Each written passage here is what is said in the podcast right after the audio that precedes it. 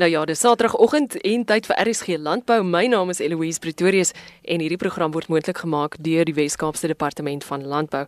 Vandag sien ek daarna uit om met Rosa Kreur en Andre Morgenthal te gesels.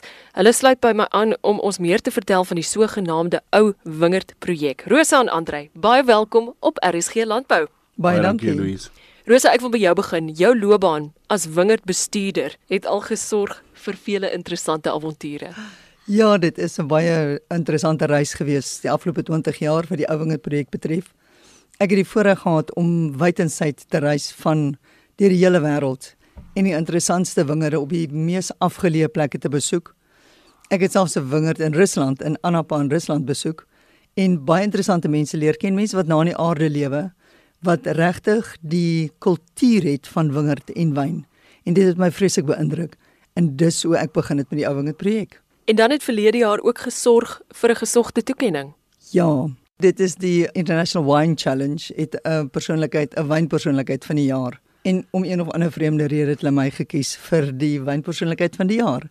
En dit was 'n baie groot eer, ek dink as 'n Suid-Afrikaner en as 'n wingerdboukundige of as 'n wingerdbestuurder, het ek gevoel dat daar word erkenning gegee aan wingerdbestuurders wat baie goed was, dink ek. Andre Morgenthal was voorheen kommunikasiehoof by Wines of South Africa en is nou hoof van die Ou Wingerd projek. Andre, ek kan glo dat dit 'n belangrike taak is om seker te maak die res van die wêreld is bewus van die werk wat deur die Ou Wingerd projek gedoen word. Ja, dis 'n interessante 2 jaar gewees sedert ons die projek geformaliseer het met die insetkoste van meneer Rupert en die eerste jaar was ons maar in 'n taamlike vaar donker plek want daar's nie 'n handboek vir hierdie projek nie. Daar's niemand anders wat nog gedoen het. Daar is 'n Barossa Charter en daar is 'n um, ou wingerd beweging in Lodian, Kalifornië. Daar is ou wingerd wat genoem word op etikette in Europa, maar niemand het dit nog geformuleer en gesê hier is geld, hier is uh, mense en probeer dit uitbou in iets sinvol nie. Dalk vir iemand wat nog nooit daarvan gehoor het nie. Wat is dit en waarmee is julle op hierdie oomblik besig? Die ouinge projek is 'n baie betekenisvolle projek vir die Suid-Afrikaanse wynbedryf. Is my my nederige opinie daaroor. Die oogmerk daarvan is die bewaring van ou wingerd. Ons het nog almal gedink wat in die projek betrokke is en dis baie meer mense is net ek. Dit is ek en Andrei in drie direkteure. Ons het altyd nog gedink dat die bewaring van ou wingerde is betekenisvol omdat dit gaan oor erfenis. Dit weerspieël ons geskiedenis. Hoekom is van hierdie wingerde op die mees totaal afgeleë plekke geplant? Ons weet nie. Was dit dalk om skepe te voorsien van drank of van alkohol of van uh, rosientjies? Weet hulle dit dalk geruil vir speserye of 'n tee of maar dit is 'n romantiese idee, ek besef dit. Maar daar moes tog 'n rede daarvoor gewees het, want daar's ou wingerde wat geplant is op regtig afgeleë plekke. Soos in Skirfberg dan Klein Willem by Basie van Lil Joshua Visser in Henklang wat myle van hier af is.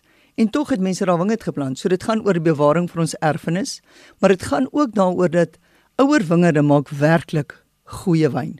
Nie altyd nie, maar meerendeels. En as ons van ons wingerde in Suid-Afrika kan verouder, gaan ons nie net vir die boer meer geld in die sak bring nie, ons gaan ook beter wyn op die rak sit. Ek het 'n frase uitgedink toe ek hier na toe gery het. Meer geld in die boer se sak en beter wyn op die rak, want dit is waaroor dit gaan. Derdens dink ek dit het baie wetenskaplike waarde. Ons kan navorsing doen oor die verouderingsproses van plante en van wingerd. En hoekom het party van hierdie wingerde 118 jaar oud geword? Ek werk met 'n verskeidenheid van uh, wingerde wat ouer as 100 jaar is en ons weet nie. Daar word nou baie navorsing gedoen. Die Universiteit van Stellenbosch, UCT se besigheidskool, doen navorsing daaroor. So dis drieledig vir my se kultuur aspek. Dit is 'n kwaliteit wyn aspek, maar dis ook 'n wetenskaplike aspek. En die Ouwingerd projek spreek al drie aan. Rosa, hoe was dit vir jou moontlik om 'n kaart saam te stel oor waar hierdie wingerde in ons land was? Aanvanklik was dit baie moeilik want alle eh, rekordhouding van wingerde en wyn in Suid-Afrika as gesien tradisioneel of geskiedkundig as vertroulik. Maar tog word dit alles opgeteken by SAWIS, een van die noukeurigste en beste rekordhoudingsstelsels van wingerd en wyn ter wêreld dink ek. En ons het baie jare lank vir hulle gevra om ons die inligting te gee en in daai tyd het ek letterlik net rondgery. Die mense in die wingerd self en dit lê my baie na in die hart het my begin vertel. Soos oom ou oom Klaas het my gesê, "Mevrou, daar op daai berg, daar is 'n wingerd wat baie oud is. Miskien moet jy daar gaan kyk." En dan het ek so toe gery en dan daai boer weer van ander vertel, so dis letterlik menslike oorlewings. Mense het my net vertel waar die wingerde is tot so 4 jaar terug. Toe ek weer na Salwas toe gegaan. Toe die ouwing projek baie um, roem begin verwerf oor vir Suid-Afrika.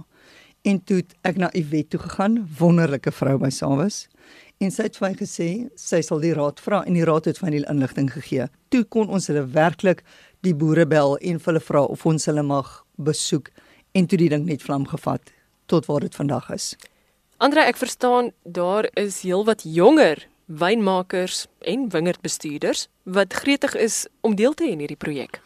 Ja, dis inderdaad so. Toe ek nog by Wines of South Africa was, het ons agtergekom dat die media geweldig belangstel in ou wingerdwyne omdat dit anders is en dis meer eksklusief, baie maal onbekombaar, maar daai kwaliteit het die beeld van Suid-Afrika verbeter oor see. En ek dink die jonger wynmakers het opgewonde geraak oor daai geraas rondom die ou wingerdwyne en die werk wat gedoen was deur die die eerste mense wat begin werk daarmee was Eben Sadi en die Malinews en Chris Allight en die span by Lomere wat die drywer verwerk het wat Rosa vir hulle gevind het. So hulle die vaandel begin dra en die aandag is daarop gefestig en daarmee het die spoed opgetel. Hoe meer ek na julle luister, hoe meer dink ek dat die lewe regtig eers op 35 begin. ja. Die, kyk die dit is fisiologies klink dit vir ons asof die wingerd op daardie ouderdom in balans kom. Dis asof is asof jy kyk na tieners in hulle 20s. Toe ek in my 20s was, ek nie gedink ek gaan 30 haal nie. Ek het soos Jim Morrison geleef. Laat nagte en van die volgende oggend weer klas toe en daar's net nie einde nie. As jy nou 30 is, dan is jy in beginsel moet jy al 'n werk verloopbaan hê met 'n gesin. Dis nie elke naweek klubs toe nie, dis om meer braai by die huis en speel met die hond. En die wingerde raak ook so, die wingerde raak rustiger, want na 3-4 dekades op een plek, moet jy al nou begin agterkom waar jy is. En daai wingerde begin dan die oesjaar lees en vooruitspel en dra net soveel blare en druiwe as wat daar hulpbronne is om daai jaar uit te leef. Daai wingerd dink nie oor wyn maak nie. Daai wingerd dink oor oorleef en om die saadjies te versprei om voort te plant. Ons planne met met die wingerd, pla die wingerd. As jy kyk na wat gebeur met die doringbome in die bosveld. As die koedes begin eet of die kameelperde begin in een boom, dan kom die keer daai bome aan die pad af. As daai bokke of kameelperde by 'n ander bome aankom, dan smaak die blare bitter. So hulle beskerm homself daarteen. So as ons begin blare uitpluk of snoei of werk in die wingerd, dan reageer daai wingerdstok en die wingerd langsaan die ooreenkomstig. So mense moet baie versigtig wees dan veral met ou wingerd hoe jy met die wingerd omgaan hmm. met snoeiwerk en so voort. Professor Archer wat my mentor was en vir wie ek enorme respek het vir sy kennis en sy toewyding tot die bedryf het altyd verwys daarna as the dying vine syndrome en dit is letterlik 'n stok wat so oud is probeer homself herplant of oorleef deur kleiner korreltjies te maak, meer geurende korreltjies te maak wat meer aantreklik is vir voëls wat sy saad kan versprei. Soos daar's al hierdie is nie mites nie.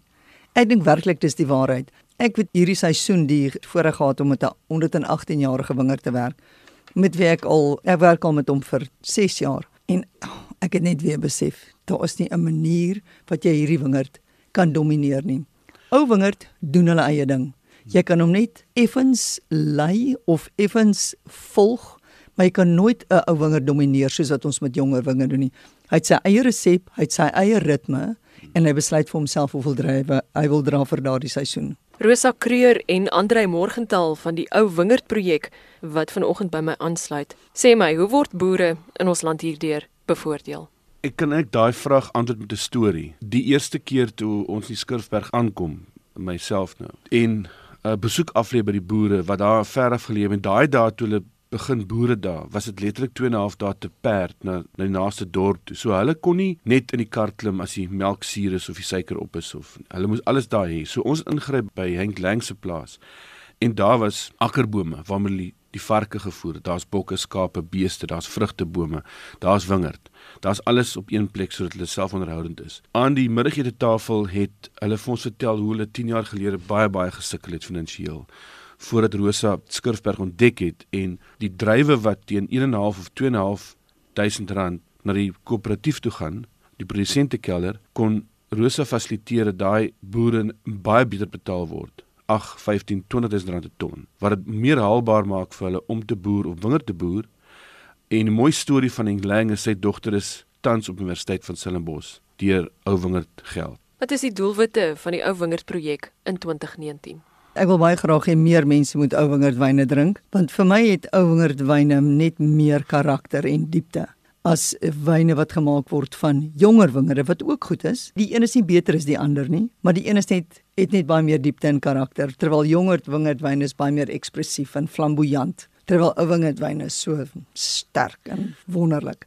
En ek wil hê meer boere moet beter betaal word dat meer boere volhoubaar kan boer met ou wingerd en met wingerd in die algemeen. Vir my lê die waarde van ou wingerd daarin dat dit baie akkuraat die landskap reflekteer waar die wingerd vandaan kom. As ek 'n skurfberwyn proe van een van daai drie boere, dan kan ek amper proe hoe die omgewing lyk. Soos jy proe letterlik bietjie fynbos, bietjie rooibos tee, bietjie hitte, soos heuning op 'n warm klip en veldblomme en ryp ryp appelkose. Ou wingerdwyne reflekteer hulle landskap en vir my lê daar baie groot waarde daarin. Wat baie bemoedigend is vir ons is dat die produsentekelders baie opgewonde is om deel te neem aan die projek. 85% van ons ou wingerde is in die sisteme van die produsentekelders, die ou koöperatiewe. So gesels Rosa Kreur en Andrei Morgenthal van die Ou Wingerd projek en jy is baie welkom om meer oor hulle te gaan lees op elsenburg.com en om nog van ons programme te vind op erisg.co.za. Dankie dat jy vanoggend saam geluister het. Ek's Eloise Pretorius en ek groet jou tot volgende week.